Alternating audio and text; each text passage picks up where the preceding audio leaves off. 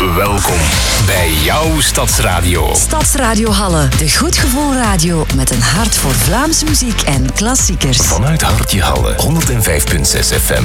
De goed gevoel radio. Stadsradio Halle. Totaal van streek. Een terugblik op het verleden van Halle en omgeving.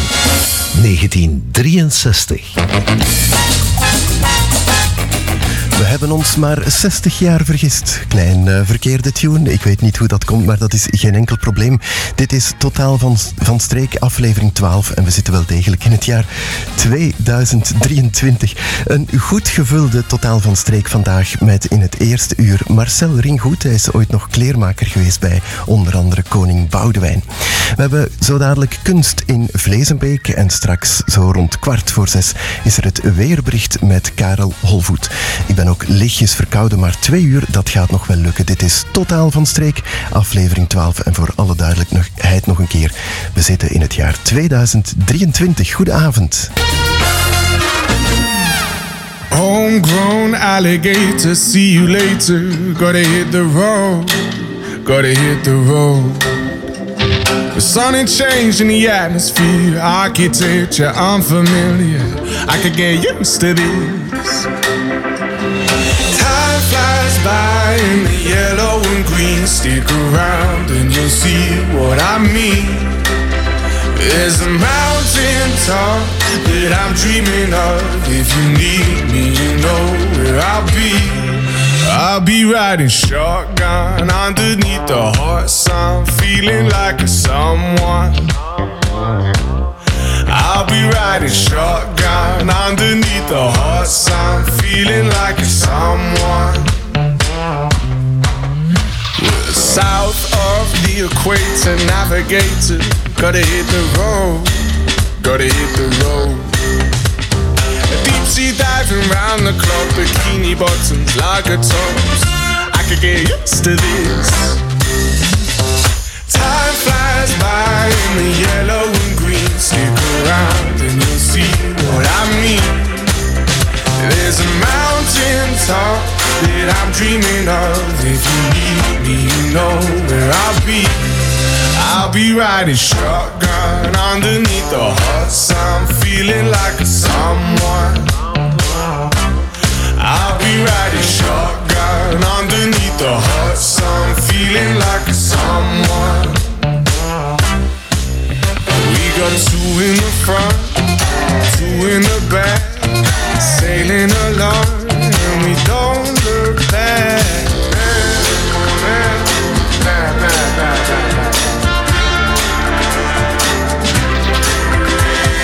Time flies by in the yellow and green. Stick around and you'll see what I mean.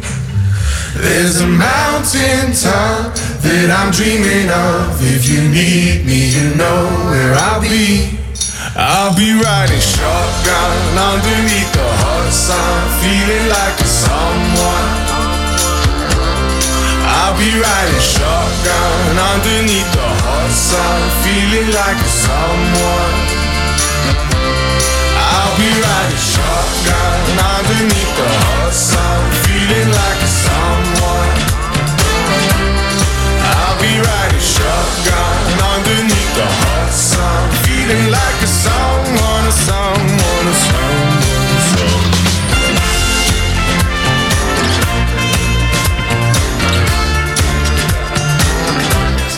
Mijn favoriet uit 2018, Shotgun van George Ezra. Volgende vrijdag, 20 oktober, kan u bloed gaan geven van 17.30 tot 20 uur in ontmoetingscentrum De Merselborre. En dat is in de theaterzaal in de Schaliestraat nummer 2 in Vlezenbeek. U kan jou, je kan je afspraak maken via het Rode Kruis, via rodekruis.be of bellen via 0800 777 00. Ik herhaal dat nummer even, dat is 0800 777 00 in de Merselborre dus. En als u daar dan toch bent, dan kan u misschien ook even genieten van de tentoonstelling die daardoor gaat vanaf morgen en volgende week ook van Kunstkring de Merselborre. En daar heb ik iemand van aan de lijn, meer bepaald de voorzitter. Dag Patrick Bardijn. Goedenavond. Het gaat eh, beginnen, hè? morgen jullie tentoonstelling. Ja, wij zijn uh, volop uh, aan het opbouwen en ik moet zeggen, het uh, gaat de goede kant uit. Ik denk dat het weer een geslaagde editie zal worden. Ja, is er nog veel opbouwwerk of staat het meeste klaar? Laten we zeggen dat we zo aan de 80% zitten. Dat is een heel mooi resultaat. Ja, ja, zeker. Ja. ja vertel het eens, um, waarom zouden de mensen naar jullie tentoonstelling moeten komen kijken?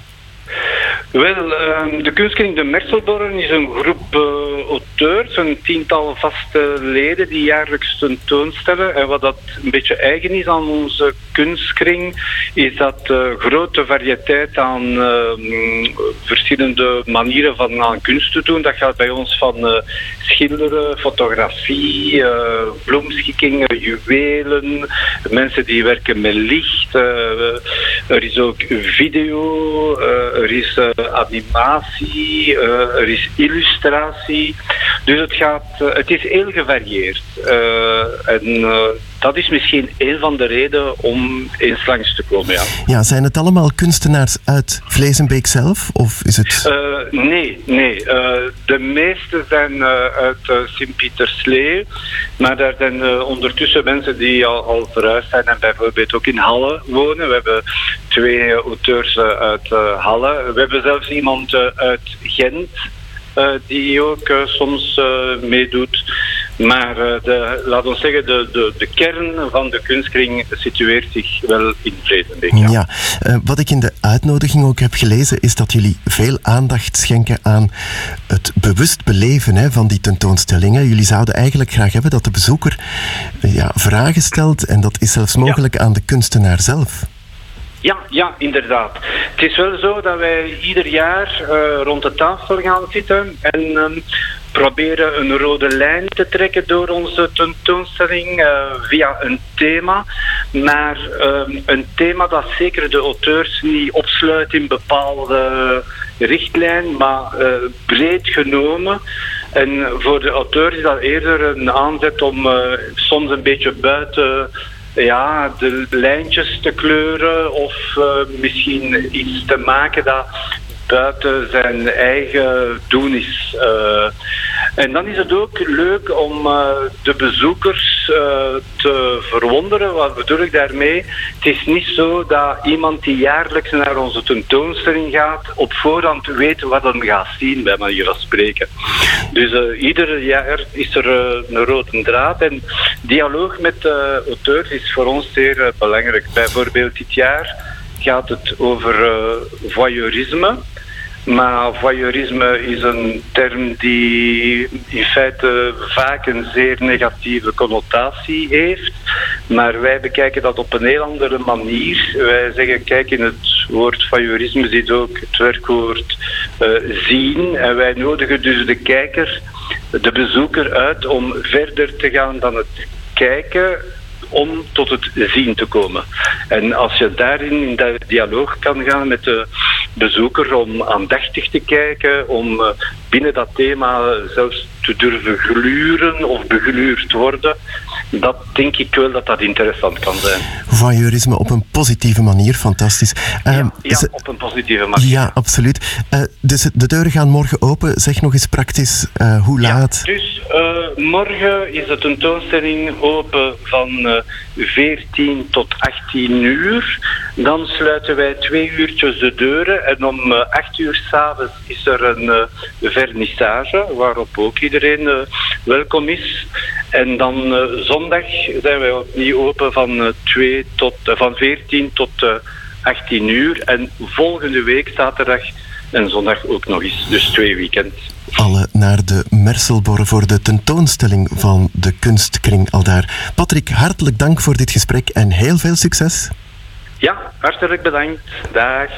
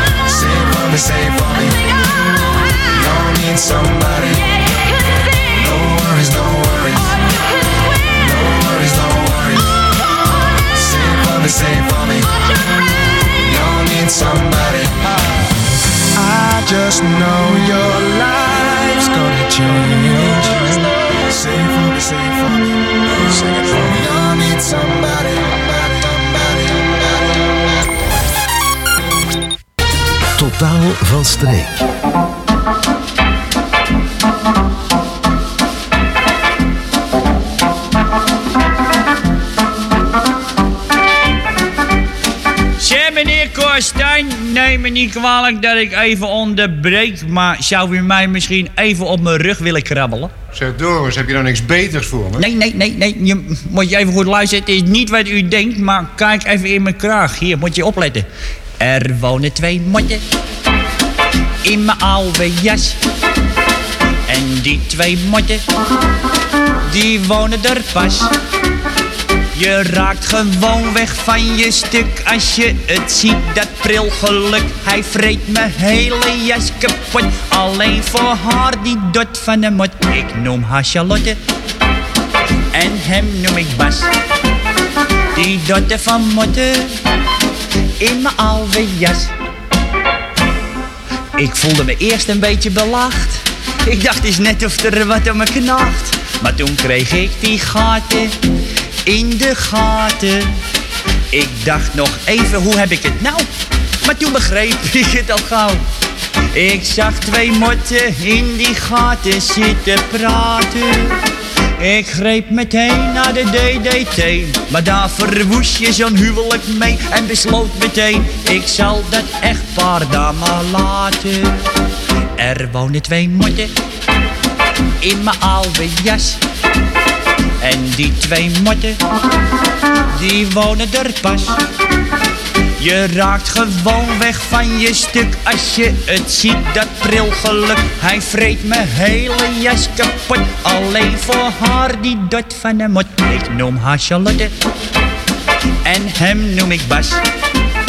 Die dotte van motten in mijn oude jas. Ik ben een geboren eenzaam mens. Maar het was mijn eigen wijze wens.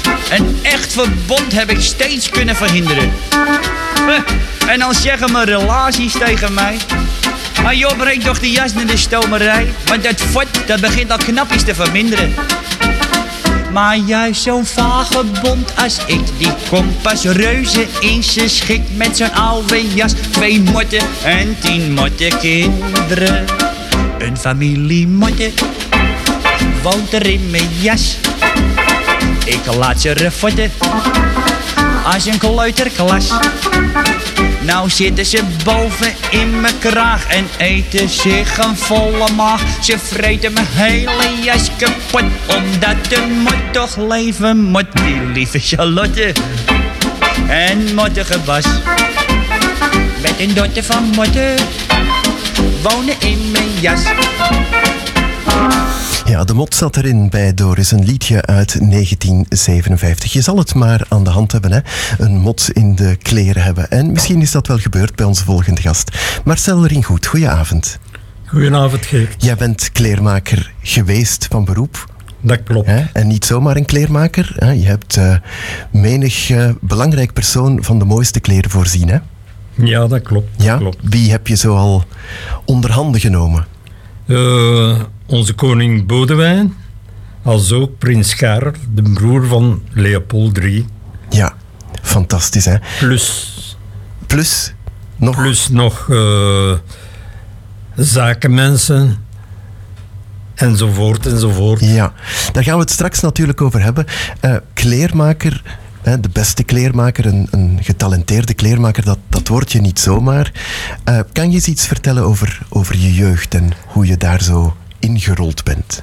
Natuurlijk, ik eh, had altijd graag iets met mijn Anne, een werk met mijn Anne gedaan. Dan ben ik in school gegaan. Van 1954 was ik 14 jaar tot mijn 18 jaar, tot het jaar 1958. Als kleemaker ben ik dan geplaatst geweest door school zelf. En dat komt de twee à drie beste leerlingen die worden geplaatst bij de beste kleermaker van België. En dat was bij de Air Genot in Brussel, Martelaarplein, te Brussel zelf. Dus dat wil eigenlijk zeggen dat jij bij die beste leerlingen was. Inderdaad, Ja. als ik het zo mag zeggen. Je ja. mag het zeker zeggen. Hè? En eh, wat was dan zo jouw talent, jouw specialiteit? Hoe kwam dat dat ze jou daaruit pikte? Wel, mijn specialiteit was natuurlijk maatwerk. En die bij Genot, dat was maatwerk. Alles met de hand gemaakt. En mijn specialiteit, dat was mantels plus de vesten. Dan ben ik getrouwd in de jaar eh, 1964. Heb ik daar vier jaar mogen wonen, waar dat ik werkte had ik mijn eigen atelier, maar in een dag werk ik nog voor Genot en s'avonds ook nog voor hem, plus klanten van mij. Dat Tot- waren eigenlijk gouden tijden. Dat waren de hele gouden tijden. Ja. En je hebt daar vier jaar gewoond, dus dan komen we in het jaar 1968 al. Dat klopt, ja. Ja. En toen? Toen ben ik verhuisd en na een paar jaren dacht ik de zaak over te nemen met een collega die daar ook werkte. Maar natuurlijk, je bent getrouwd, de vrouw woont niet mee. Dan ben ik terechtgekomen in Halle, achter een plaats waar ik zelf kon beginnen als kleermaker. Thuisgekomen, dat vertelt aan de vrouw natuurlijk, dat lukte ook niet. Natuurlijk, na jaren nog voortgewerkt, met pijn in mijn hart, ben ik toch gestopt als kleermaker. En ben ik dan geplaatst van een hoge geleerde bij de MIVB als telefonist. Maar ik heb nog jaren blijven werken na mijn uren voor klanten. Ja, daar heb je echt eh, heel veel hartpijn van, hè? dat je die zaak niet hebt kunnen overnemen. Hè? Dat is ja, een beetje een zwarte pagina in, het, in je leven. Dat is mij altijd bijgebleven met pijn in mijn hart, tot heden nog. Ja. Ehm, welke jaren eigenlijk heb je dan voor koning Boudewijn en prins Karel gewerkt? Dat was in de jaren 1970 tot 80. Ja, daar gaan we het zo dadelijk over hebben. Hè. We hebben al een hele mooie introductie van jou gehad, Marcel. Eh Dank je wel daarvoor. Dus na de volgende plaat komt koning Boudewijn aan de beurt.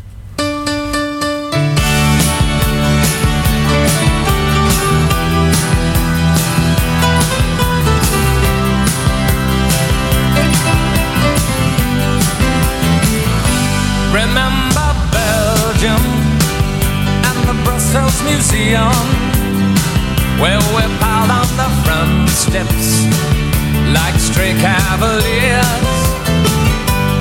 Our code of living meant little to others. The few francs we saved bought some cheap souvenirs.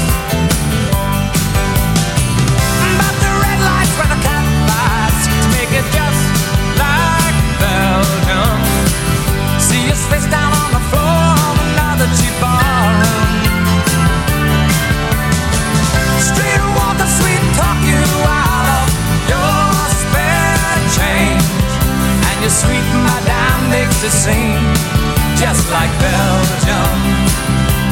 just like Belgium. Tu sais, c'est drôle parce que je me rappelle cette histoire. J'étais- J'étais en vacances avec ma mère et nous étions en Asie, c'était cool.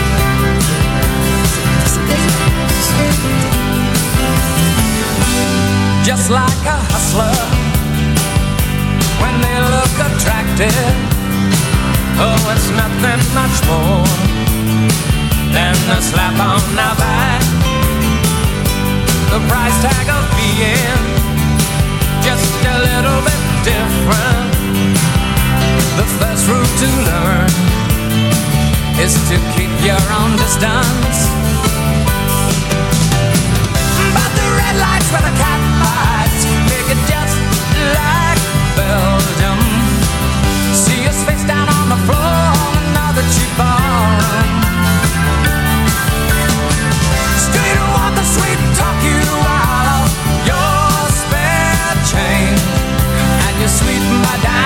Makes it seem just like Belgium, just like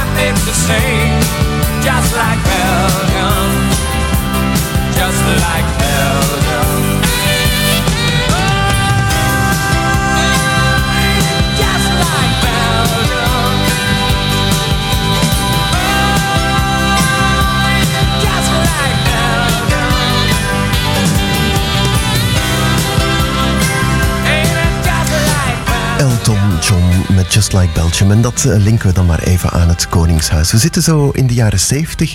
Marcel, ehm, dan eh, begin je dus te werken voor koning Boudewijn. En zeker ook voor prins Karel. Hoe raak je daar in hemelsnaam binnen bij die mensen? Wel, kijk, eh, ja, dat is een gans verhaal. Natuurlijk, de beste kleinmaker, daar gaan ze naartoe. Bij koning Boudewijn en bij prins Karel. We hebben wel langer gewerkt bij, voor prins Karel als bij koning Boudewijn. Waarom? Boudewijn had horen zeggen dat wij werkten voor prins Karel. En natuurlijk, dat klopte niet in die familie. En gans raar, op een zekere dag heeft koning Boudewijn gezegd: Stop, voor mij moet je niet meer werken. Dan zijn wij natuurlijk voor blijven werken voor prins Karel. Jammer dat zo'n familiekwestie dan aan de basis ligt. Hoe is het om voor zulke mensen te werken? Is dat moeilijk? Zijn dat moeilijke mensen? Waren dat moeilijke mensen? Koning Boudewijn was heel gemakkelijk voor hem te werken. Natuurlijk, zijn vrouw was iets anders. Voor prins Karel was ook heel gemakkelijk, maar dat was een speciaal manneke. Die moest altijd hem in zijn binnenzak een klein zakje nemen, want die man zat tussen haakjes een beetje aan een drank. En als je bij hem ging voor te passen, die had eh, een appartementsgebouw aan de Prins van Luik. En wij moesten daar s'avonds gaan, een uur of acht, afspraak om acht uur. We belden, conciërge kwam open doen. Natuurlijk, voor de prins daar was wat dan negen uur, tien uur. En hij had er in zijn plezier. Natuurlijk, wij stonden daar. En voilà. Maar die was wel, als ik het mag zeggen, een beetje aan een drank. Dus in dat binnenzakje. In dat binnenke zakje stak ze flesje. Ja. Goed, eh, kostuums, eh, dat was in de jaren 70, dat was maatwerk. Hè? Ehm, echt met de hand. Eh, dat kostte toen ongeveer zo'n kostuum? Eh 20.000 Belgische francs. Ja, dat In is die tijd. Hè. 500 euro. Ja. Dat valt mee. Hè? Nu, een kostuumvest voor 500 euro, dat gaan we niet meer vinden, denk ik. Nu moet je rekenen voor een kostuum op maat tussen de 2600 en de 5000 euro. Ja, Dus dat wil zeggen een 200.000 ja. Belgische francs. Inderdaad. Dat zijn speciale stoffen hè, die u daarvoor hebt gebruikt. Ja, dat waren stoffen vanuit Engeland. Engelse stoffen, Scabal en Dormui. Dat waren natuurlijk in mijn tijd, in de jaren 70, 80, de lopende meter kostte dat toen al duizend Belgische francs. Je kunt denken, nu mal vier, mal vijf. Ja. Eh, worden die stoffen nog gebruikt eigenlijk? Ja, ja, ja, ja, ja, ja, zeker en vast. Dat wordt nog gebruikt. Eh, je hebt ook nog een, een belangrijke vest aan zee liggen. Ja, kijk, Prins Karel die woonde toen tegen Oostende in Ravenzijde. En die heeft daar een enorm gedoe. Je kunt dat trouwens gaan bezichtigen. En daar ligt nog een mantel tentoon die ik zelf gemaakt heb. Ja. En die ligt daar? Die ligt daar. Ja.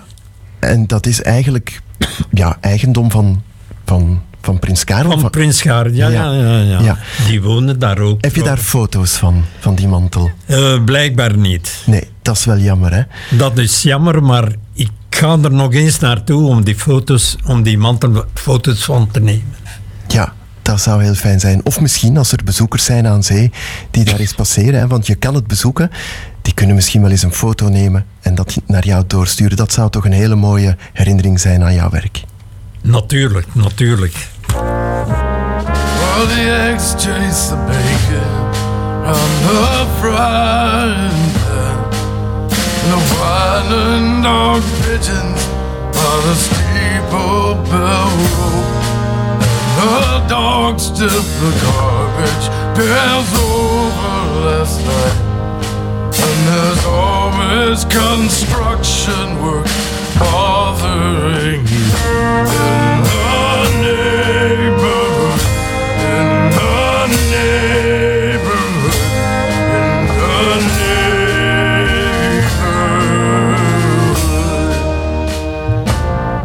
Well, Friday's the funeral, and Saturday's the bride.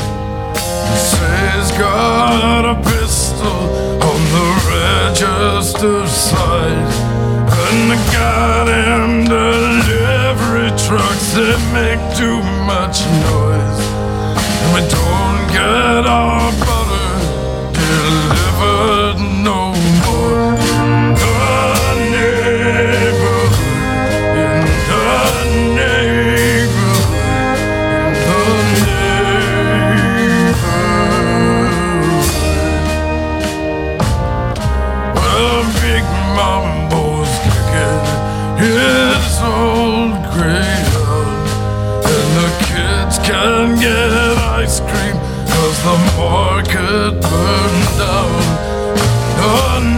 newspaper sleeping bags blow down the lane And the goddamn flatbeds got me pinned in again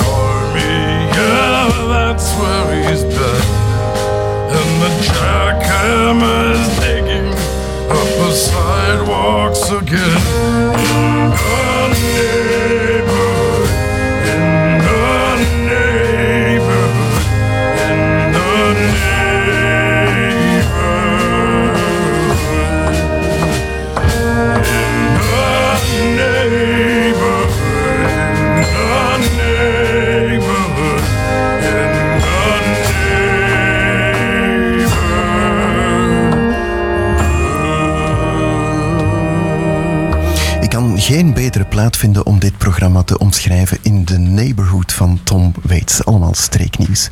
Marcel, eh, maatwerk dat is jouw specialiteit. We hebben het al over de stoffen gehad. Zijn er ook bepaalde technieken die jij moet gebruiken om dat maatwerk ja, voor elkaar te krijgen? Natuurlijk eh, het binnenwerk van de vest en de mantel, het stijfsel, dat is het bijzonderste, daar een vorm aan geven. Dat maakt, dat maakt de vesten mooi. Dat is maatwerk, dat is veel werk. Dat Maar- vraagt veel werk. Maar het is niet dat je dat stijfsel ook zelf maakt, of wel? Eh, je koopt dat, maar dan moet dat bewerkt worden. Ja. Met tand. Ja. Je wordt, eh, over 14 dagen word je 83. Hè? Dat klopt. En toch ben je eigenlijk nog wel bezig hè, met die kledij. Je, je maakt nog wel eens een broek. Wel ja, kijk, zo zit dat ineen. Af en toe maak ik nog eens een broek voor mij, maar bijzonder de rokken van mijn vrouw. En af en toe een keer een blouse. En dan heb ik naastige buren, die hebben natuurlijk ondertussen vernomen dat ik kleinmaker was. Die komen dan af en toe een keer af. Marcel, kun je mij keer helpen voor dat te snijden, voor dat te passen enzovoort. En eh, dat verbeteren. En wat kan ik doen? En zo, natuurlijk, met veel plezier doe ik dat. Ja, het blijft een passie, hè? Het blijft zeker een passie. Ja. Zeker. De kledij van nu. Volg je dat nog een beetje, die mode? Natuurlijk. Ja. natuurlijk. Ja, en wat, eh, wat vind je daarvan? Wel, als ik eerlijk mag zijn, dat kun je niet vergelijken van over 40, 50 jaar. Als ik nu in de winkel zie hoe dat, dat gemaakt is, dan zeg ik, man, man, man, waar gaan we naartoe? Dat moet allemaal vlug gaan. Handwerk komt er meer aan, dat is allemaal machinewerk. Maar ja, we leven in een andere tijd. Dat gaat zo een beetje met alles. Heb je De zelf, tijden zijn veranderd. ja, heb je zelf een winkel waar je zegt van hier voel ik mij toch nog op mijn gemak? Zijn er eigenlijk nog mensen die echt kleren op maat maken? Ja, ja, ja, er bestaan nog eh, winkels, be- bijvoorbeeld in Brussel op de Avenue Louise, de Louiselaan. Dan heb je in Antwerpen ook nog twee kleemakers, maatkle- maatwerk, en in Gent. En die hebben nog heel, heel veel werk. Er wordt nog op maat gemaakt werk, die men hun werk. Maar ja, je moet de prijs geven. En dat, is dan, dat kan dan dus tot 5000 euro zijn. Dat kan lopen tussen de 3 en de 5000 Ja. euro.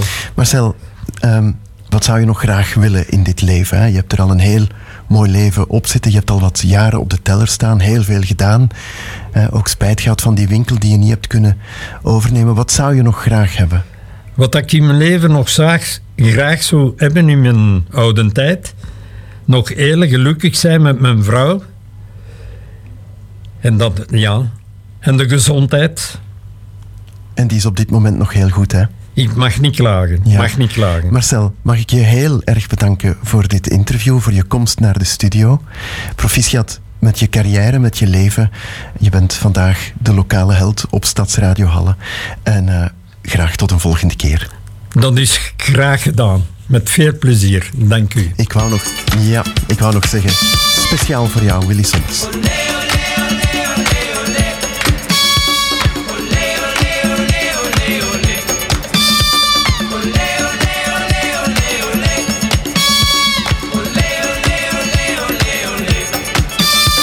De dag was kort, de nacht wordt lang.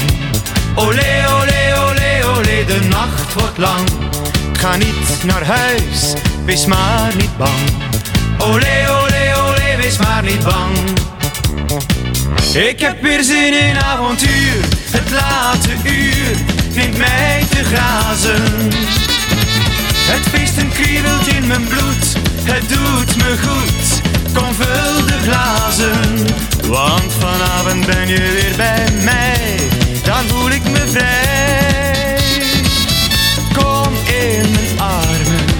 Laat ons dansen, heerlijk dansen. Tot morgen vroeg. De dag was kort, de nacht wordt lang. Olé, olé, olé, olé, de nacht wordt lang. Ga niet naar huis, wees maar niet bang. Olé, olé, olé, wees maar niet bang. Zo is in maanden niet geweest, een heerlijk feest, zo zonder zorgen. De kurken vliegen in het rond, ik maak het bond, denk niet aan morgen. Want vanavond ben je weer bij mij, dan voel ik me vrij. Kom in mijn armen, laat ons dansen, heerlijk dansen. Tot morgen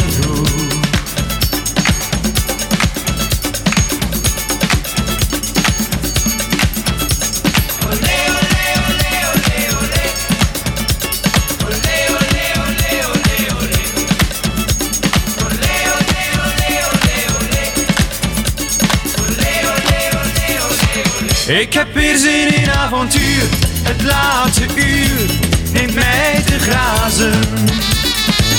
Het feesten kriebelt in mijn bloed, het doet me goed. Kom vul de glazen, want vanavond ben je weer bij mij. Dan voel ik me vrij. Kom in mijn armen, laat ons dansen, heerlijk dansen. De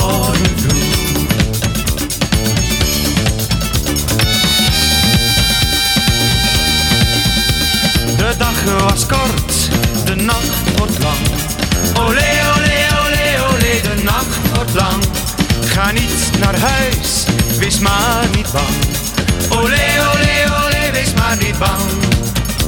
De dag was kort, de nacht wordt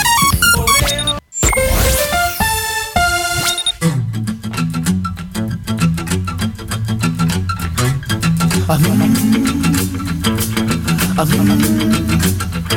the sun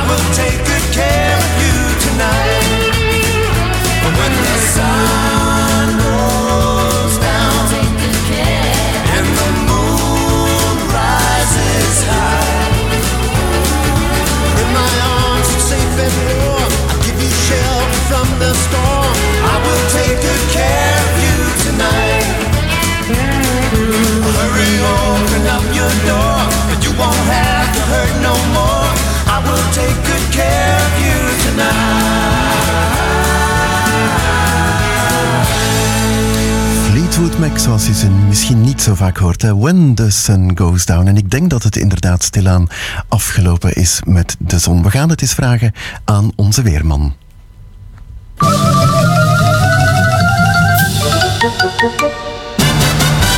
Dag Karel. Dag Geert. Het klopt, hè? Het was vandaag zo nog een beetje een opstoot van warme lucht. En eh, vannacht regende het trouwens ook een klein beetje. En het is voorbij, hè, die warme temperaturen. Ja, misschien kunnen we zeggen het is voorbij die mooie zomer. Hè? Ik hoop dat je er een beetje hebt van kunnen genieten vandaag. Ja, dat is van, voor ons is dat eigenlijk fantastisch hè, dat je dat kan zeggen op 13 oktober. We hebben het daar vorige week al over gehad. Eh, weermannen die kijken daar een beetje anders naar. Hè. Die, die krabben al eens in hun haar en die zeggen dat is niet helemaal goed zoals dit nu loopt. Nee, dat klopt. En daar gaan we het zeker nog eh, in de toekomst vaak over hebben. Hè. Eh, het, het, het is allemaal niet, niet zo plezant wat er gebeurt. Maar kijk, vandaag is het een hele interessante situatie. Want eh, Geert, we gaan van eh, het een uiterste in het andere. Dus Vertel. dat is meteen en ja, is meteen een hele weersomslag, want de voorbije dagen was het steeds een, een, een warme zuidenwind, de voorbije vijf, zes weken zelfs. En nu plots klaps, eh, wat gebeurt er? Dus eh eergisteren, de lucht die eergisteren aan de Noordpool was, die komt stilletjes aan morgen en overmorgen naar België. Dus dat is echt meteen de hele andere kant. En natuurlijk weet je dat er vanuit die hoek alleen maar eh, ja, echt koude lucht kan komen. Dus het gaat vannacht echt omslaan. Het heeft daarnet al een beetje geregend eh, in Halle, maar het echte actieve koufront die komt, eh, komt vannacht langs. En ik denk Geert dat er daar een millimeter of, of vijf kan uitvallen. Dus dat is wel echt even nodig voor de natuur ook. Absoluut. Maar geen harde regen, gewoon matige regen of, of zachte regen? Ja, dat zal toch eh gedurende een twee, drietal uurtjes wel iets harder zijn. Nu echt geen, geen grote slagregens, maar ehm, ja, het zal toch even goed regenen. En ja, een millimeter of vijf, dat is goed. Dat is toch, eh, toch meer dan wat eh, het stofblussen dan de voorbije weken het geval was. Dus ja, dat is wel gekomen. Maar de wind die, die, die draait dan natuurlijk vannacht van zuidwest naar noordwest. En ehm, ja, dan zijn we morgen toch vertrokken. Er, is, er staat veel wind. Ehm, er zijn wel veel wolken, maar ook af en toe opklaringen. En links en rechts gaan er buien vallen. Eh, dus dat wordt wel echt guur, want met die noordwestenwind gaan we maar 14 graden halen. En ik zag daar net nog eh, in de buurt van Halle nog bijna 23 graden. Dus dat is bijna 10 graden minder.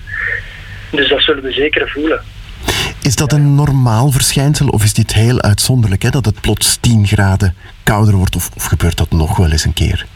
Wel, dat is een hele goede vraag. Het gebeurt meer en meer. Dus we kunnen dat ook een beetje gaan linken aan toch die klimaatverandering.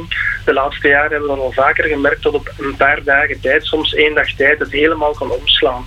En nu, zoals we nu weer meemaken, ja, zuidenwind en dan morgen echt arctische lucht. Dat is dus lucht van aan de Noordpool. Dat komt ook niet zoveel voor. Ja, dat is wel bijzonder dat het zo snel kan omslaan. Dat was vroeger toch wel, toch wel iets minder, mag ik wel zeggen. Ja. Ja. Mhm. Misschien wat speciale aandacht voor zondag, want dan is het rommelmarkt in Halle. Hoe gaan die mensen het er qua weer van afbrengen? Wel, dat ziet er nog, nog droog uit. Dus wisselend bewolkt en in de voormiddag ehm, komen er stilaan wel meer wolken vanaf, vanaf het noorden dan. En kan er wel een bui vallen, maar ik denk grotendeels zondagochtend eh, bij een graad of zes staan we dan op. ehm, dat, er dan, dat het dan toch wel meevalt. Eh, overdag wordt het dan een graad of elf. En de wind die is in het begin nog een beetje eh, zwak tot matig, maar die gaat in de loop van zondag afnemen. Dus eigenlijk het weekend verloopt nog vrij goed. Enkel die wind en, en twee, drie buien op, op zaterdag en, en, en, en nog een verdwaalde bui op zondag. Ehm, ja, zijn het enige wat een beetje eh, minder is natuurlijk. Want die wind vooral morgen ook, eh, dat gaan we echt voelen. De gevoelstemperatuur, ja, dan moet je, dat is hetgeen dat we voelen van de wind aan, aan, aan ons lichaam. Dan moet je nog eens een vijftal graden aftrekken. Dus ja, als we morgen 14 graden halen voor het gevoel is het natuurlijk veel minder. En zondag is die wind dan een beetje meer weg. Dus eh, bijvoorbeeld voor de rommelmarkt, hè, is een beetje beschut. Dus die, die gaan daar niet veel last van hebben. Hè. Maar dan in de loop van zondagavond klaart het uit, valt de wind weg. En ja, dan voel je mij komen. Hè. Het gaat voor de eerste keer vriezen, Geert. Echt waar? Zondag op maandag eh, overal vorst aan de grond. Dus mensen die maandagochtend opstaan, die zullen toch vijf minuutjes vroeger moeten opstaan om de auto te krabben, de autoruiten. Want eh, ja, het wordt maar een graad of drie, vier in, in Halle. En ja, dan ben ik daar weer met de valleien. Daar gaat het dus ja, echt rond het vriespunt zijn. En, en op het gras is daar nog 4, 5 graden kouder. Dus ja, het wordt toch wel de eerste koudere herfstnacht. Echt koud, koud kan ik niet zeggen, want het is niet heel bijzonder of zo, maar het is toch niet wel een groot contrast eh, met, met, met deze week. Ja, want die nachttemperaturen, da- daar is het contrast misschien nog groter. Ik zag eh, onlangs nog nachttemperaturen van 16 graden. Hè, als we nu naar 3 graden gaan, dat is een ongelooflijk verschil, hè? Ja, dat is eh, ja, inderdaad.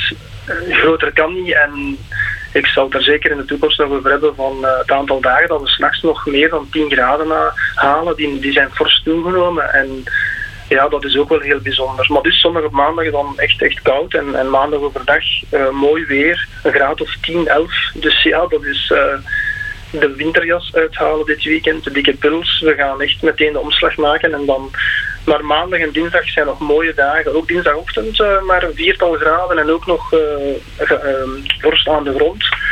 Maar mooi weer. Mooi en koud. Dus dat is ook niet slecht hè. Ja. Ehm, maar dan zien we toch stilletjes aan dat er vanaf dinsdag ehm, het een beetje verandert. In die zin dat een depressie eh, dichterbij komt. En ja, we gaan natuurlijk al naar vier, vijf dagen vooruit. Dus we gaan nog moeten zien hoe het uiteindelijk zal lopen. Maar het is toch de verwachting dat vanaf dinsdag, woensdag de wolken toenemen. En dat we meer wind krijgen ook. En dat het iets zachter wordt met terug een beetje regen. Maar ik, ik moet eh, onder voorbehoud zeggen, want het wordt eh, weer spannend op de weerkaarten met eh, een heel groot drukgebied boven Scandinavië. En wat gebeurt er daar? Dus in Scandinavië krijgen ze de volgende week eigenlijk gewoon, ja, gewoon winterweer. En die koude lucht die begint dan eh, af te zakken nogmaals, eh, dinsdag, woensdag. En die grens komt weer juist ten noorden van ons te liggen. En grensgevallen die zijn leuk, maar wel heel moeilijk om te voorspellen. Want bijvoorbeeld Noord-Nederland zal woensdag, donderdag nog in die koude lucht blijven bij maar 7, 8 graden. Terwijl wij dan weer 14, 15 en in Frankrijk 18 graden halen. Dus ja, dan moeten we nog eventjes eh, kijken hoe dat precies gaat verlopen voor woensdag en donderdag. Mhm, Even spannend afwachten. Maar ik onthoud zondag best nog aangenaam weer voor de rommelmarkt. En ook eh, maandag en misschien dinsdag ook nog ehm, ja, zonnig en niet te warm weer.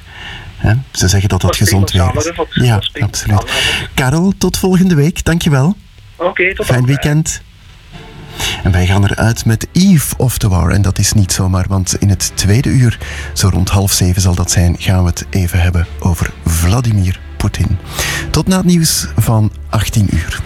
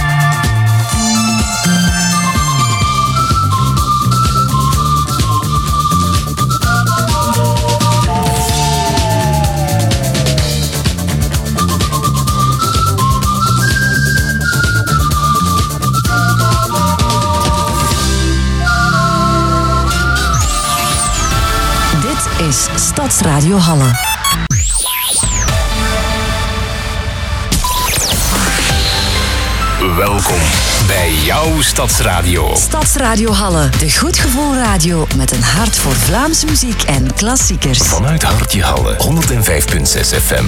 De goed gevoel radio. Stadsradio Halle.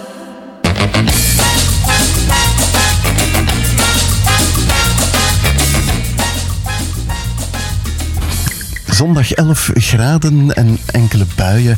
Eh, ik vind dat het weerbericht op Stadsradio Halle positiever klinkt van Karel. Dus eh, dat eh, mag meer aandacht krijgen. We krijgen toneel zo dadelijk. We hebben Poetinisme, dat is iets heel bijzonder. En straks komen de mensen van de Rommelmarkt nog langs. En we hebben ook een VZW die zich komt voorstellen. Dus stof genoeg om na te praten. Dit is Totaal van Streek, aflevering 12, deel 2.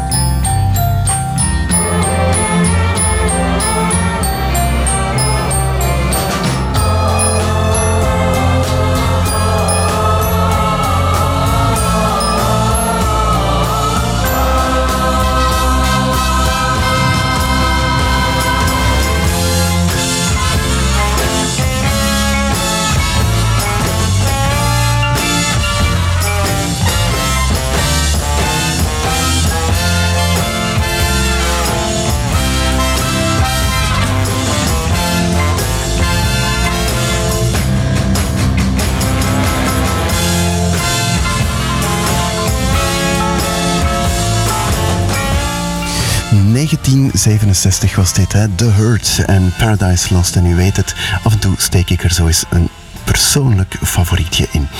Ik ga spreken met eh, Edwin van der Meren. Dag Edwin, goedenavond. Goedenavond. Jij bent verbonden aan een toneelgroep eh, in Lembeek. Dat klopt. Ja. Ik ben eh, eh, voorzitter van eh, Code- de KWB Toneel de Linde Lembeek. En dit jaar ook regisseur. Voilà. En eh, ik bel jou omdat er morgen en zondag een eh, hobbybeurs is in Lembeek, in zaal De Kring. Daar gaat heel veel door. Je kan daar ook mosselen eten, dacht ik, en van alles. En ehm, jullie staan daar met een stand, hè?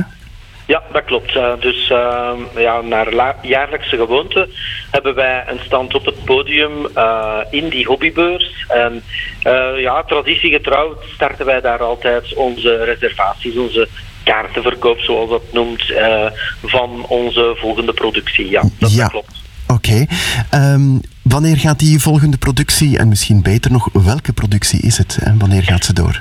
Ja, wel, wij spelen het stuk Bendeke Troep, speelt Asseposter op Stut. Eh, dat is een, eh, ja, een halse versie van de Commedia dell'arte, zo'n beetje. eh, van de hand van Paul van Bossuit, een echte halnaar, die eigenlijk het genre van eh, de Commedia dell'arte zo'n beetje naar zijn eh, hand wist te zetten en eh, daar heel succesvol in was. Bendeke Troep is een van zijn bekendste stukken.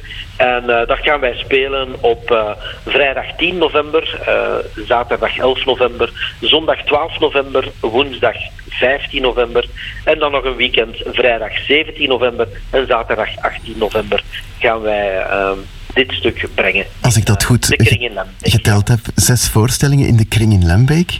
Ja, dat klopt. Ja, en de mensen kunnen de kaarten kopen daar. Eh, ik hoorde wat Halse dialectwoorden. Is het dan ook een stuk helemaal in het Hals dialect? Ja. Ja, ja, ja, in dit genre kan je niet anders dan eh, toch wel in het dialect gaan. Of dat het echt het Halse dialect zal zijn, dat, dat niet. Omdat er toch wel een aantal mensen in zijn die het eh, dialect momenteel nog niet machtig zijn. En die we echt aan het drillen zijn in het uh, Lembeeks dialect eigenlijk. Ehm, maar het zal zeker in volkstaal gesproken worden. Dus eh, dat sowieso. Ja, ja, ja.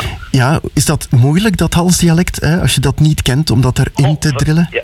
Ja, voor mij niet, maar eh, ja, we hebben toch een paar eh, spelers die, eh, of toch een speelster bijvoorbeeld, die eh, als moedertaal eigenlijk, eigenlijk Franstalig is, perfect tweetalig wel is. Maar dan is dat heel moeilijk om die klanken daar door te krijgen. Maar we zijn daar zeer hard aan het werken, dus we hebben nog wat tijd. Maar dat begint meer en meer ook wel te lukken. Ja, en hoe gebeurt dat drillen dan? Goh, ja, herhalen, herhalen, herhalen. Herhalen. Dat is, de, dat is de, de boodschap. Eh, ik heb eigenlijk ook als regisseur gans het stuk eh, fonetisch eigenlijk eh, geschreven, herschreven en dan ook het helemaal zelf ook ingesproken, zodanig dat zij ook de juiste zegging thuis kunnen herhalen. En dat is de enige boodschap is herhalen. Ja, is het een grote regie? Zijn er veel spelers? Is er veel decor? Ja, toch, toch wel. Ja, het decor valt eigenlijk heel goed mee. Het is een een eh, inventief decor. Het, is, eh, speelt zich af op het stort, hè, een poester op het stut. Dus het speelt zich af op het stort, waar de familie van de Bendeke Troep eigenlijk leeft. En ja, we, maken wel een paar verplaatsingen, onder andere naar het ziekenhuis en ook naar het Kabardushke, de Zwettepoos. Dus ja, dat zijn de verplaatsingen die we maken, maar dat wordt eigenlijk op een hele subtiele wijze gedaan. Ja. En gaat Assepoester ergens haar schoentje verliezen? Ja, wel ja, wel. Het is Bendeke Troep speelt Assepoester op zet. En effectief, op een bepaald moment, verliest Assepoester haar schoentje. En ja, dan is het... eh, maar eh, ja... De, Je mag niet alles vertellen natuurlijk. Ja, nee, nee, nee. Ja, gaat ze trouwen of gaat ze niet trouwen? Eh het is, Bendeke Troep heeft een beetje een eigenzinnige versie van dit stuk geschreven. Dus ja, het is, het is afwachten voor het publiek. Ja, ik hoorde jou daar straks in het inleidend gesprek ook zeggen dat jullie eh, ja, regisseren voor jeugd ook. Hè? Dus jullie hebben een jeugdafdeling. Ja, dat klopt. Wij hebben een eh, jeugdwerking. En eh, toeval of niet, wij spelen ook een stuk van Paul van Bossuit naar het boek van Jan Terlouw. Wij spelen namelijk De Koning van Katoren. En dat spelen wij het laatste weekend van april. Ja. Ja. Is er eigenlijk nog veel jeugd geïnteresseerd in theater? Wel, ehm, eh, het is niet makkelijk. Eh, enige jaren geleden, een kleine tiental jaar geleden, eh, was ons ja, spelerspotentieel toch wel wat verouderd, als we dat eh, mogen zeggen. En wij kwamen toen wel jeugd tekort en wij hebben toen een jeugdafdeling opgestart en die is toch wel succesvol. Dus van de cast die nu op het podium staat, mogen we bijna zeggen dat eh 80% eigenlijk uit die jeugd komt. Ehm, het is heel opmerkzaam dat binnen onze jeugdwerking, waar we momenteel zo'n eh 35-tal spelers hebben, wat toch heel oké is, eh, maar heel weinig jongens. Dus als er nog altijd jongens zijn tussen 14 en 18 jaar die willen toneel spelen, of zelfs jonger, eh, die kunnen nog steeds bij ons terecht. Ja. Goed. Moeten jullie soms ook wel eens mensen weigeren met pijn in het hart je zegt van sorry, maar dit lukt echt niet? Ja, toneelspelen is anders dan een andere hobby. Hè. Ik bedoel, eh, je hebt een stuk waar een aantal spelers nodig zijn. En ja, soms moet je wel eens zeggen tegen iemand van... eh, ja, sorry, maar dit jaar voor jou is er, is er geen, geen rol. Eh, dus dat kan soms al eens voorvallen, ja. Oké. Morgen en zondag gaan jullie dus kaarten verkopen. Hoeveel kosten de kaarten eigenlijk? Wel, de, de kaart kost eh 11 euro. En ik zou zeggen, mensen die echt wel van plan zijn om te komen... dan zou ik eigenlijk wel aanraden om morgen te komen. Oké, we zijn even de verbinding kwijt. Ehm, Edwin, ben je er nog? Deze oproep is onderbroken. Ja. Probeert u het later eens opnieuw. Dat is zo, hè, als je op het stort begint toneel te spelen. Ehm, we gaan eh, proberen Edwin nog even te bellen en dan, eh, dan haal ik die eh, gegevens wel voor jullie boven. Maar morgen en zondag hebben zij dus een stand in de hobbybeurs in Zaal de Kring. Kaarten 11 euro. En als ik dat goed heb onthouden, dan gaat de eerste voorstelling door op 10 november.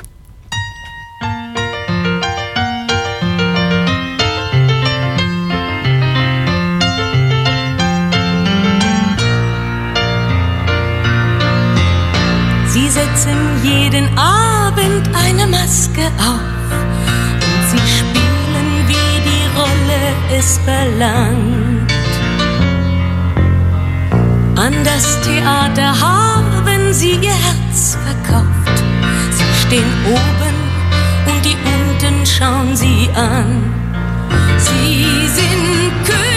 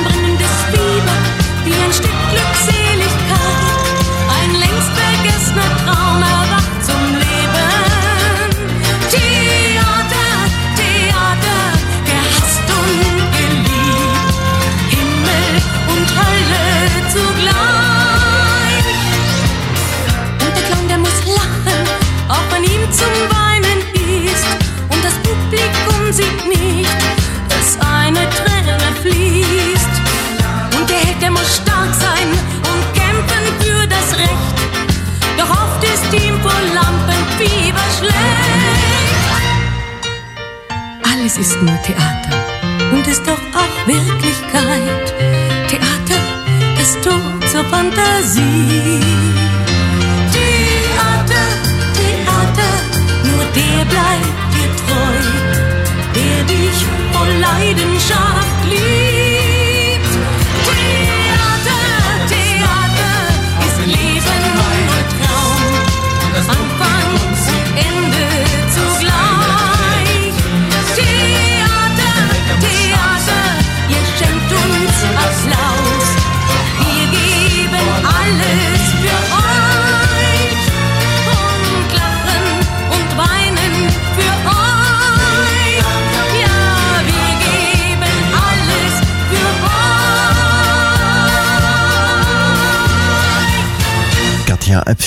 Met theater. En ik moest nog even zeggen van Edwin dat mensen die echt willen gaan kijken naar de toneelvoorstellingen, dat ze morgen heel snel moeten zijn op die beurs om die kaarten te bemachtigen. Want de, de plaatsen zijn blijkbaar beperkt. Morgen om twee uur staan ze daar.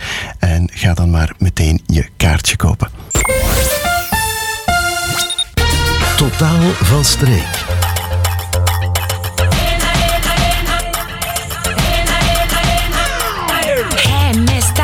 That sister? Don't you let her thrill you. Sticks and stones may break your bones, but men and looks could kill you. Ho, ho, hey, come my way. Suka, suka, na, na. Come on, come on, eh, sale, ale. With the suka, suka, mama.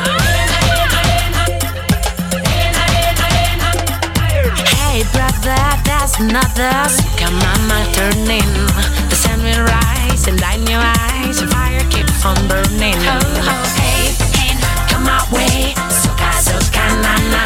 Come on, come on, it's ale, ale. When the soca, soca, mama Go, go, hey, come way. Soca, soca, Come on, come on, it's ale, ale soca, soca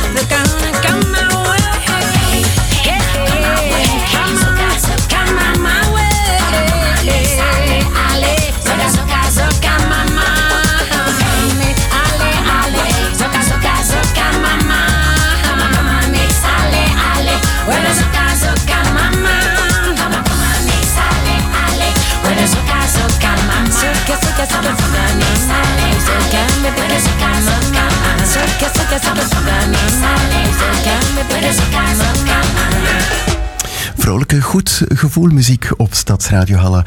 Zap Mama met Ico Ico. En daar zitten de volgende gasten alweer in de studio. Dag Nathalie de Rauw. Goedenavond. Je bent voorzitter van VZ2 Trots. En ik zie dat de T eigenlijk tussen haakjes staat.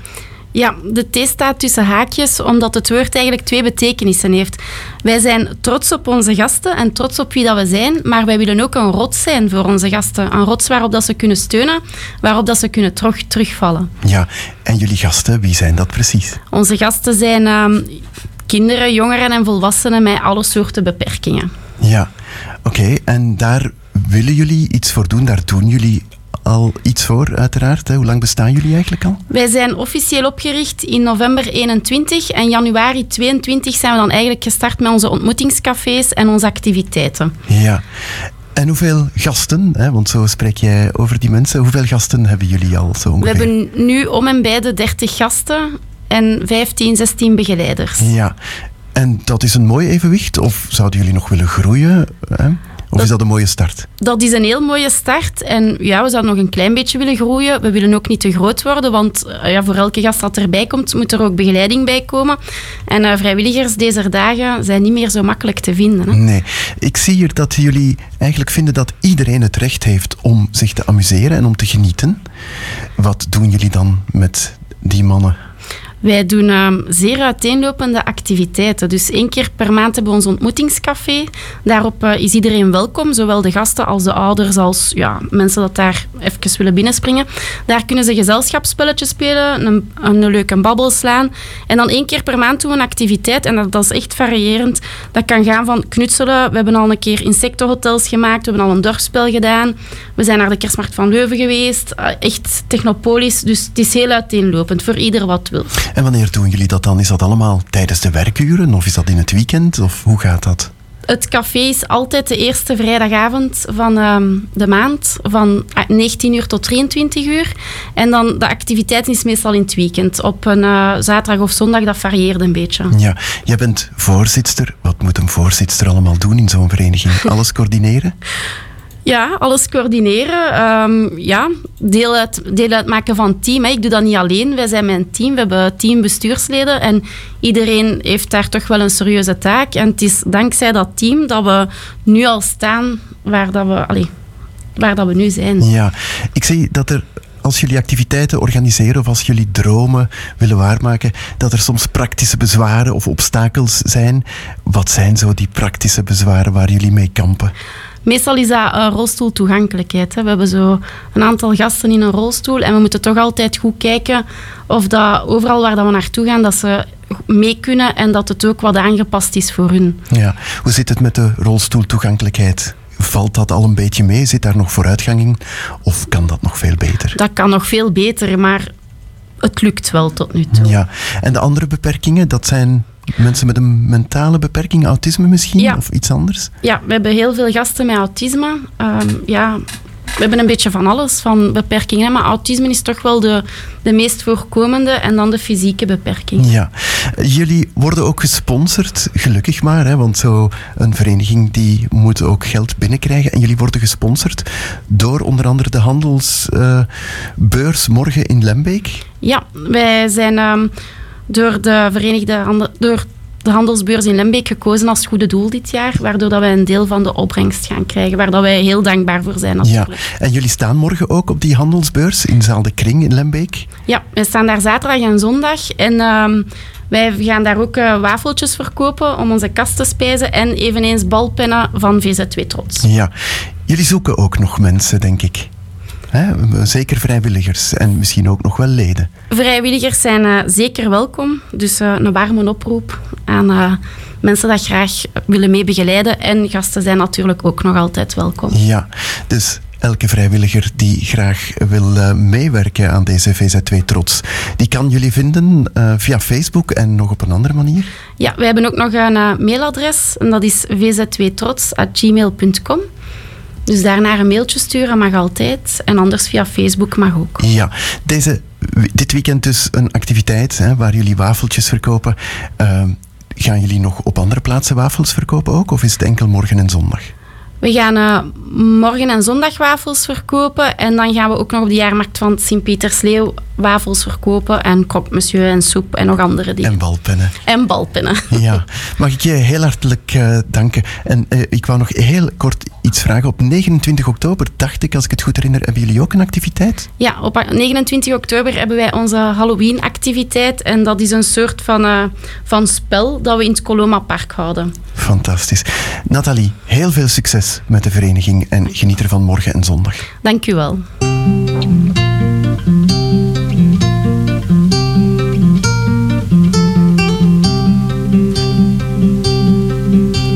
Meneer de president, wel te rusten. Slaap maar lekker in je mooie witte huis.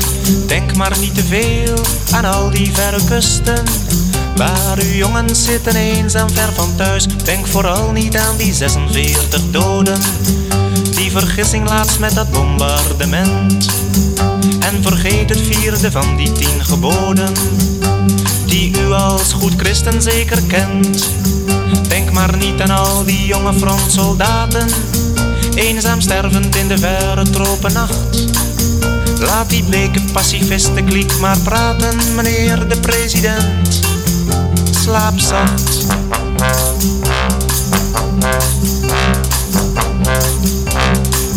Droom maar van de overwinning en de zegen.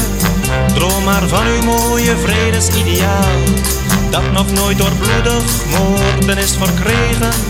Droom maar dat het u wel lukken zal ditmaal. Denk maar niet aan al die mensen die verrekken. Hoeveel vrouwen, hoeveel kinderen zijn vermoord. Droom maar dat u aan het langste eind zult trekken. En geloof van al die tegenstand geen woord. Bajonetten met bloedige gevesten houden ver van hier op uw bevel de wacht. Voor de glorie en de eer van het Vrije Westen, meneer de president. Slaap zacht. Schrik maar niet te erg wanneer u in uw dromen al die schuldeloze slachtoffers ziet staan. Die daar ginds bij het gevecht zijn omgekomen. En u vragen hoe lang dit nog zo moet gaan. En u zult toch ook zo langzaamaan wel weten. Dat er mensen zijn die ziek zijn van geweld. Die het bloed en de ellende niet vergeten. En voor wie nog steeds een mensenleven telt. Droom maar niet te veel van al die dode mensen. Droom maar fijn van overwinningen van macht. Denk maar niet aan al die vredeswensen, meneer de president. Slaap zacht. Boudewijn de Groot en dat ging over de president in het Witte Huis. En in Moskou zit er ook een president, Vladimir Vladimirovich Poetin. Dan eh, zal u zeggen, dat is toch geen man uit de streek? Dat klopt, maar dat is wel een man met streken. En op 19 oktober, dus eh, volgende donderdagavond om 19.30 uur, organiseren Ferm en Davidsfonds Sint-Quintus-Lennik de lezing Poetinisme, een Russisch fenomeen. En ik heb een gesprek gehad met de mevrouw die daar komt spreken. Dat is hoogleraar voor, ehm, ja, voor Rusland eigenlijk. Katlijn Malvliet. Zij is verbonden aan de Katholieke Universiteit van Leuven. We kunnen onmogelijk het hele gesprek laten horen, want ik heb een uur met die mevrouw gepraat. We gaan een fragmentje laten horen. Maar de hele podcast, het hele gesprek zal binnenkort te vinden zijn op Spotify. U moet maar een keer zoeken naar Geert portretteert. En daar staan eigenlijk ook de heruitzendingen of de uitzendingen van dit programma op. En alle interviews die gaan daar ook op komen. En wellicht vanaf morgen kan u dan de hele podcast, podcast beluisteren. We komen in het gesprek in het jaar 2000 en dat is eigenlijk het jaar waarin Poetin in Rusland aan de macht komt. Laten we eens teruggaan naar 2000, toen Poetin voor het eerst president van Rusland werd. Toen waren die betrekkingen met het Westen schijnbaar Ze waren goed, hè? dus uh, die manipulatie moest dan nog volgen. Maar op dat moment hè, komen we toch net uit, dat, uh, uit die periode waar het ijzeren gordijn is weggegaan, waar de Berlijnse muur is gevallen. Dus op dat moment was er wel een dialoog tussen, tussen Rusland en, en het Westen.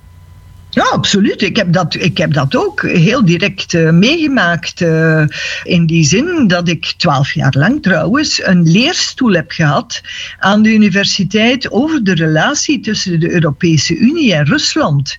En inderdaad, ik heb daar op de eerste rij kunnen getuigen van hoe hoopvol die relaties uh, tussen de Europese Unie en Rusland waren.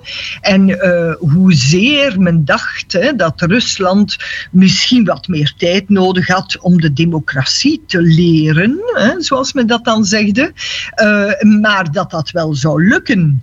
En Rusland heeft ons ook in die baan gelaten, volgens mij. Hè. Rusland heeft eigenlijk dat zelfs gestimuleerd en, en, en, en dus in het midden gesmeten, bijvoorbeeld, van kijk, wij zouden wel lid kunnen worden van de Europese Unie. Wij zouden wel lid kunnen worden van de NAVO bijvoorbeeld ook.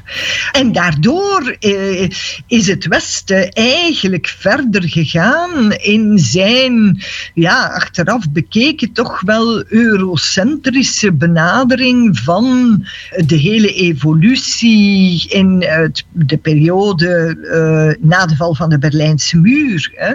Toen er inderdaad euforie was, maar uh, die euforie die is wel omgeslagen in een bijzonder bittere vergeldingsrelatie tussen, Rusland en het Westen. Hè? Ik hoor er u heel enthousiast over vertellen en dat gaat u volgende week donderdag doen in Lennik. Waar gaat u de nadruk op leggen in uw lezing? Wel, precies op dat uh, begrijpen van die heel andere manier waarop Rusland met macht omgaat, waardoor het eigenlijk uh, onmogelijk is om met onze westerse concepten van politieke analyse ook Rusland te verstaan. Uh, maar dat maakt mij natuurlijk nog niet tot een Ruslandversteer, zoals men wel eens zegt waarbij ik dus um, Rusland eigenlijk zou vergoeilijken in wat het uh, doet. Want wat gebeurd is, zeker in Oekraïne, is natuurlijk, is natuurlijk uh, verschrikkelijk. En dat mag zeker niet, uh, niet ontkend worden. Hè. Maar ik denk dat wij Rusland, dat geografisch zo dicht bij ons ligt, dat wij dat niet ongekend mogen achterlaten. Uh, dat wij niet mogen zeggen van kijk, we verstaan Rusland niet. Want Rusland dat meer en meer zich gaat op, opstellen als een, een land dat zich eigenlijk wil vergelden ten opzichte van het verlies van de Koude Oorlog, dat kan een zeer gevaarlijk Rusland worden. Hè. Uh, uh, dat is toch ook iets uh, waar we heel alert en waakzaam voor moeten zijn. En in die zin bepleit ik dat Rusland in die herdefinitie van Europa, van het begrip van de idee Europa, in dat herdefiniëren moet Rusland op een of andere manier, waarschijnlijk vooral in zijn veiligheidsconcept, een plaats krijgen in Europa. Als dat niet gebeurt, dan krijgen we volgens mij met een gefrustreerd en dus steeds gevaarlijker wordende Rusland te doen. Mevrouw Malvliet, mag ik u heel hartelijk danken voor dit gesprek. Met plezier. Ik wil dat graag delen en eh, eh, inderdaad in gesprek gaan over dit toch wel belangrijke onderwerp dat ieder van ons moet aangaan.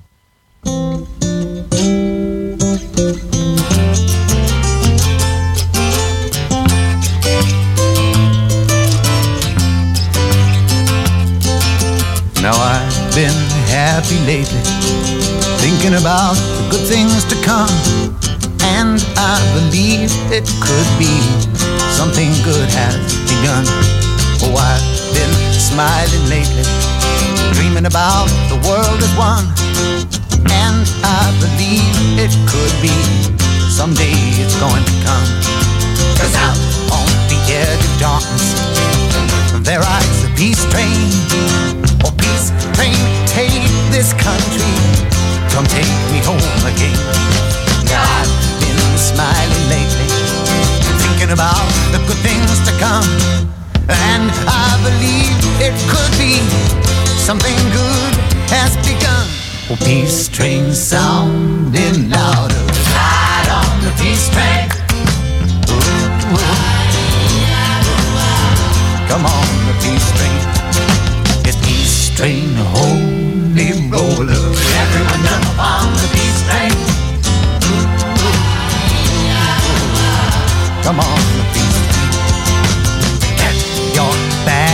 together.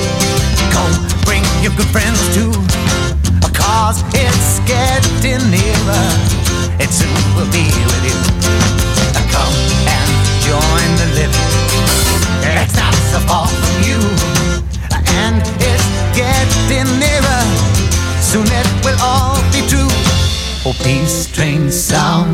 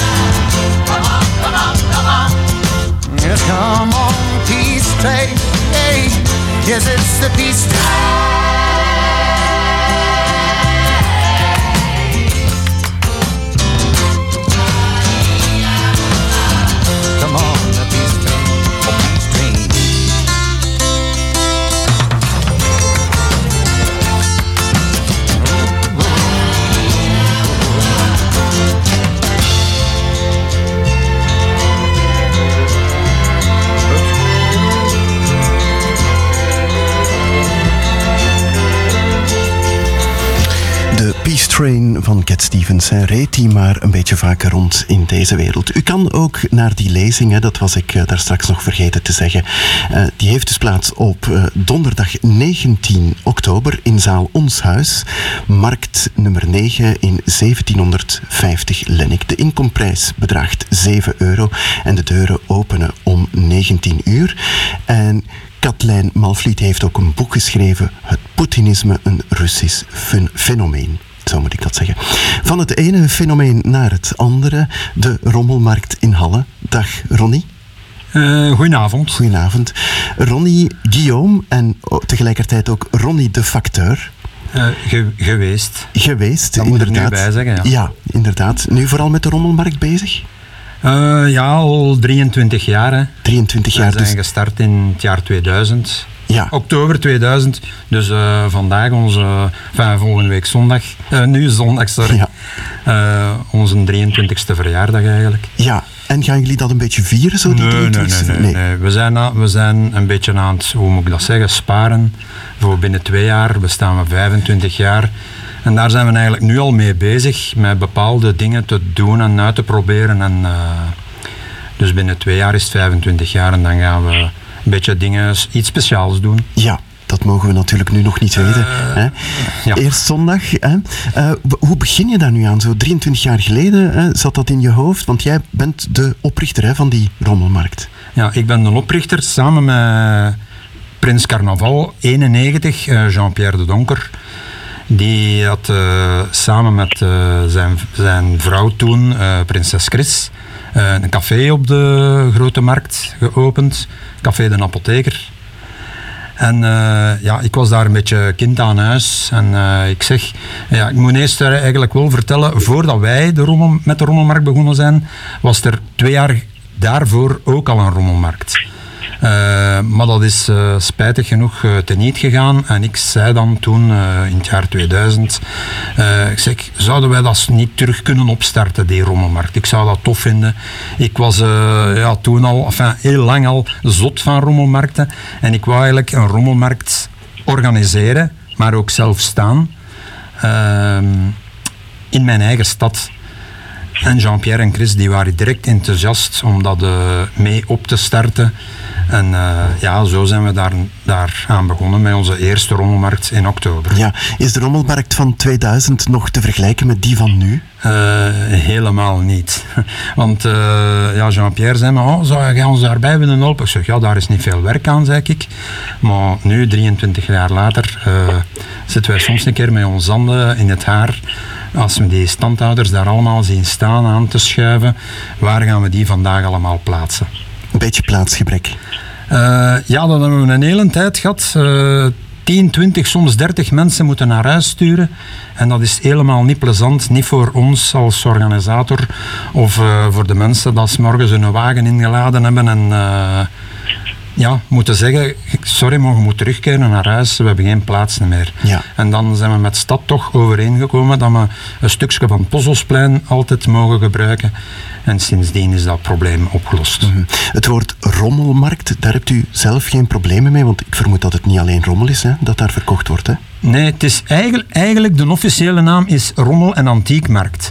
Maar ja, natuurlijk is het meer ja, rommel met, met, met alle respect. ehm, het is eigenlijk meer rommel dan, dan antiek. Het is eh, ja, een gewoon particulieren dat komen staan met de overschot dat ze thuis eh, liggen hebben. Er zijn wel een paar, eh, ik ga niet zeggen antiquairs, want professionele mensen mogen niet komen bij ons. Maar dat mensen dat toch wel een beetje meer zaken bij hebben dan naar het antiek aanleunt. Hebben wij ook wel enkele standen, maar dat is in de minderheid natuurlijk. Mhm. Je doet het niet alleen. Hè? We hebben iemand aan de lijn hangen, dat hoort u, Franske de Rijmaker. Dag Franske. Hallo, goedenavond. Vanuit de Kempen, hè? Ja, vanuit de Kempen, inderdaad. Ik ben op verplaatsing. Is daar ook rommel te vinden? Daar is zeker ook wel rommel te vinden. Hier zijn dan meer zo'n garageverkopen die georganiseerd worden. Ja. Wat is jouw functie in de rommelmarkthistorie? Oei, functie is een groot woord. Eh, ik, ben er, ik ben erbij gekomen op het moment dat, dat eh, jammer genoeg een aantal mensen van het Rommelmarktcomité eh, overleden waren. ik herinner mij dat ik bij de begrafenis van Jean P. stond Ronnie in casus stilletjes opzij zo in een hoekje stilletjes zo wat te wenen. En ik was bij hem gaan staan en ik zeg, wel, goed het niet? Ja, Fransken, als je ziet, we zijn met zoveel begonnen. Ondertussen zijn er al zoveel mensen overleden. En waar gaat dat naartoe? Enzovoort, enzovoort. En dat is blijven hangen bij mij. En dan na een paar maanden had ik zoiets van, ik wil hem een keer bellen. En Ronnie, als ik kan helpen, eh, dan mogen mij dat zeggen. Het is maar één keer per maand. En, en ja, veel kan dat dan niet op blijf houden, dacht ik toen ook. En eh, ja, de Ronnie was dan content en we zijn daarmee dan gestart. En van het een komt dan het ander.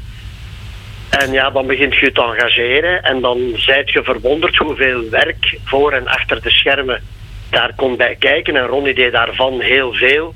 eh, samen met Jean, eh, voor- voor dingen eigenlijk. En, en nog een paar andere mensen ook, enfin wat. Ja, en dan, dan begint je daar, daar ook mee achter te zetten. En, en dan rolt je daarin en dan komen ook zelf van alle ideeën naar boven. En zo gaat dat dan. Hè. Maar dat daar niet zoveel bij komt kijken, daar hebt u zich wel in vergist, hè? Wel, ja, ja want, want eh, ik, ik, die complexiteit van die standhouders, je hebt dan de vaste standhouders met vaste standplaatsen, ik wist daar niks van.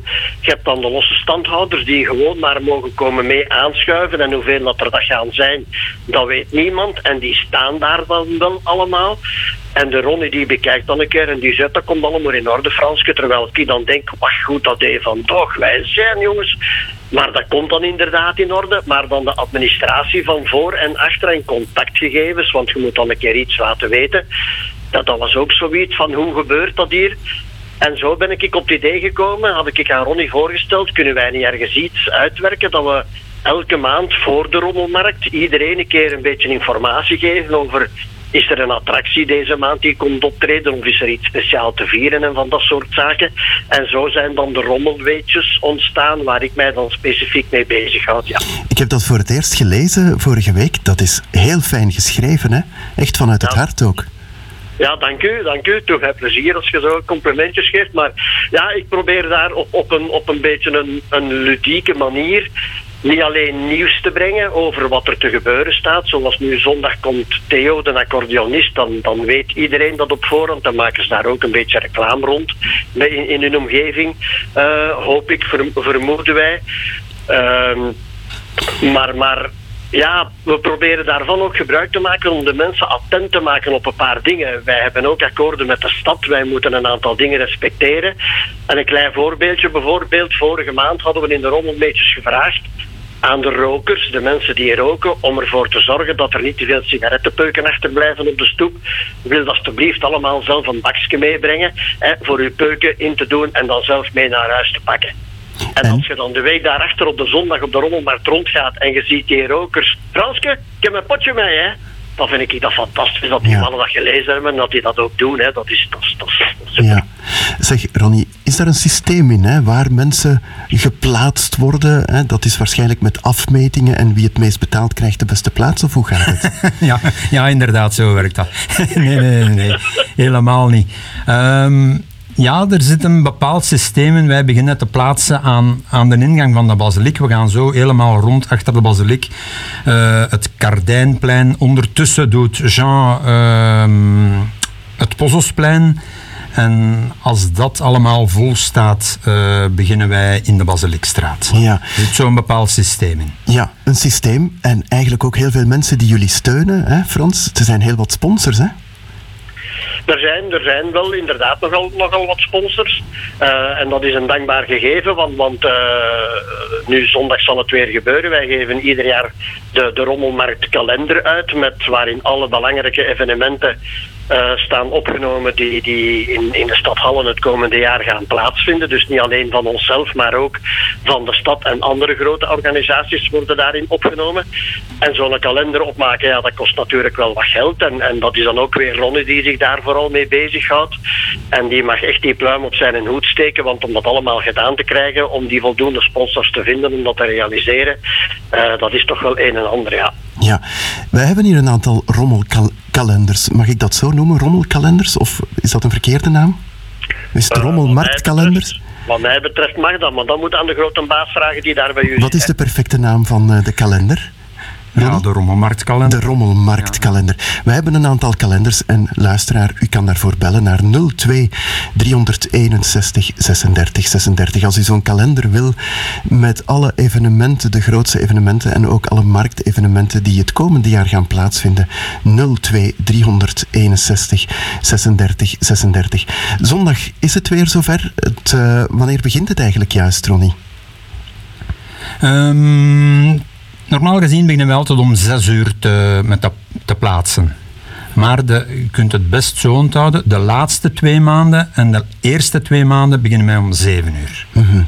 Dus Ja. november, december, januari, februari beginnen wij om 7 uur te plaatsen. En, wat, ja. is, wat is beginnen? Is dat eh, echt beginnen al met de markt of, wanneer, of is dat de opstelling? De, de, officieel eigenlijk, de markt begint, begint om 8 uur. Maar de opstelling begint om 6 uur. Ja, is wel vroeg, zeg, op een zondag. Ja, maar we zijn dat gewoon. Enfin, ik toch, ik ben dat gewoon. ik weet niet hoe dat met onze andere leden, ik, ik hoor Frans gaan lachen. Eh, voor mij is dat helemaal geen probleem. Ik ben voor, voor vijf uur ben ik wakker. En eh, ik sta op, eh, ik las een beetje water op mijn kop. En, ik, ben, en ik ben wakker en eh, wij gaan gewoon naar de markt. Wat, wat zijn de toekomstplannen van de rommelmarkt? Hè? Wordt dat regelmatig geëvalueerd? Hebben jullie een bestuur? Komen jullie eens bij elkaar om te kijken Ja, van... ja, wij zijn VZ2, hè. Ja. Dus wij zijn eigenlijk verplicht om ehm, jaarlijks te vergaderen. En dat doen wij ook. Ja, alle maanden, alle maanden zien wij elkaar en komen wij bij elkaar om gedachten uit te wisselen en, en dit en dat. En om te bespreken wat, wat we, welke evenement zouden wij nog kunnen doen. Want ja, dat is nog niet ter, niet, nog niet ter sprake gekomen. Eh, Regelmatig doen wij eh, een activiteit bij de rommelmarkt erbij. Bijvoorbeeld nu eh, van de maand Fransken hebben we het al gezegd, komt Theo de accordeonist, eh, wereldberoemd, zo van op Sint-Roches. Ja. En zo een keer een muziekgroepje dat komt, een clown die ballonnen komt plooien. In de winter delen wij een Geneverken uit om de mensen een beetje hun hart te verwarmen. Regelmatig laten wij bieken bedrukken. Ehm, dus met onze, met onze website erop. Eh, dat delen wij dan uit aan de, aan de standhouders en zo doen wij van alle zaken. En jullie zijn sowieso van plan om er nog lang mee door te gaan, hè, Franske? Ja, ik, ik hoop het inderdaad, want, want de charme die, die zo'n markt met zich meebrengt, was voor mij zelf ook een zeer aangename verrassing. Die, die mensen die gaan daarin op, die kennen elkaar allemaal. Dat is echt een, een hele toffe sfeer die, die, die daar heerst. En, en zeker met die, met die randactiviteiten en die animatie die we daar dan bij inbrengen, dat is een meerwaarde. En wat er toch ook wel misschien nog belangrijk is om te vermelden, de Rommelmarkt houdt eraan, het comité houdt eraan van ieder jaar een lokaal goed doel te ondersteunen. Eh, en dat is dan toch ook iets dat, dat door alle standhouders, maar ook door de bevolking eh, gewaardeerd wordt. En waar wij toch een punt van maken. Het moet lokaal zijn, maar ieder jaar opnieuw proberen wij een goed doel te vinden die we dan kunnen een, een ondersteuning geven. Ja. Mag ik jullie heel hartelijk danken voor dit gesprek, dit zeer openhartige gesprek en heel veel succes met de rommelmarkt van zondag. Dank u wel, Geert. En ik wil nog even zeggen dat u een kalender kan eh, bekomen als u belt naar het nummer 02 361 36 36. Wij gaan er even uit voor de boodschappen. Er is nog iemand binnengekomen van de rommelmarkt. Jean van Halen, goedenavond. Ja, goedenavond. Eh, ook ben ik afgevaardigde bestuur van het bestuur van de Rommelmarkt Halle. Ja, jij wou er nog graag iets aan toevoegen, want jullie Ja, gaan met ik iets wou nieuws er graag starten. nog iets aan toevoegen. En dat is toch een eerste verrassing dat ik zou willen melden aan de mensen. En dat de mensen zich al gereed houden voor de maand juni. Voorzien we dit jaar, voor de, vol- volgend jaar voor de eerste maal, een eh crea-markt. Dus een crea-markt, dat wil zeggen dat alle mensen dat iets maken of iets eh, produceren of iets afwerken, die op een speciale markt afzonderlijk kunnen verkopen. En dan zou ik nog willen ook vermelden voor volgend jaar dat er op 21 juli ook een rommelmarkt is. En dat er dan een prijs wordt uitgereikt voor het be- de best verklede Belg. Oké, ja, heel fijn. Eh, wat gaat u zelf, eh, waar, waar bent u zelf goed in? Maakt u zelf ook dingen of niet?